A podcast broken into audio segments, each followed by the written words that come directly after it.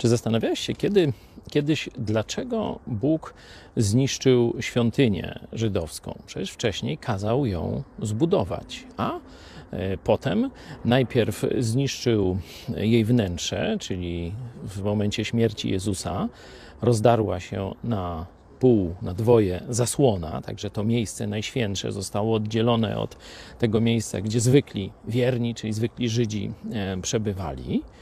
A potem Legion Rzymski dokończył tego dzieła i po prostu ta świątynia została całkowicie zrównana z ziemią i do dzisiaj nie została odbudowana. Zobaczcie Państwo, e, żydowskie istnieje od kilkudziesięciu lat, a dalej nie ma świątyni. Dlaczego dzisiaj nie ma świątyni Boga? Odpowiedź jest prosta.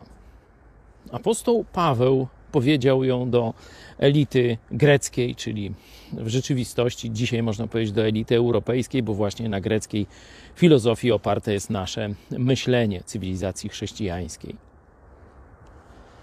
Bóg nie mieszka w świątyniach ręką zbudowanych.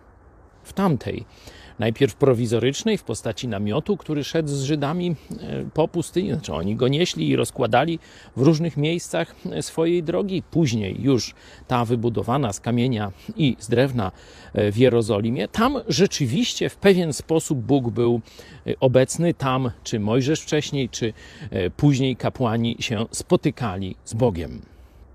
Ale w momencie przyjścia Jezusa Chrystusa i tego, kiedy złożył swoją ofiarę na krzyżu za moje i Twoje grzechy, czas szczególnego mieszkania Boga w budynku się skończył. Dzisiaj świątynią może zostać każdy człowiek świątynią Boga. Jest tylko jeden warunek. Jezus stoi i kołacze i mówi: Jeśli kto posłyszy mój głos i drzwi otworzy, wejdę do niego i będę z nim wieczerzał. Wtedy Bóg jest w Twoim ciele. Apostoł Paweł mówi: Jesteście świątynią Ducha Świętego. Bóg mieszka w Was.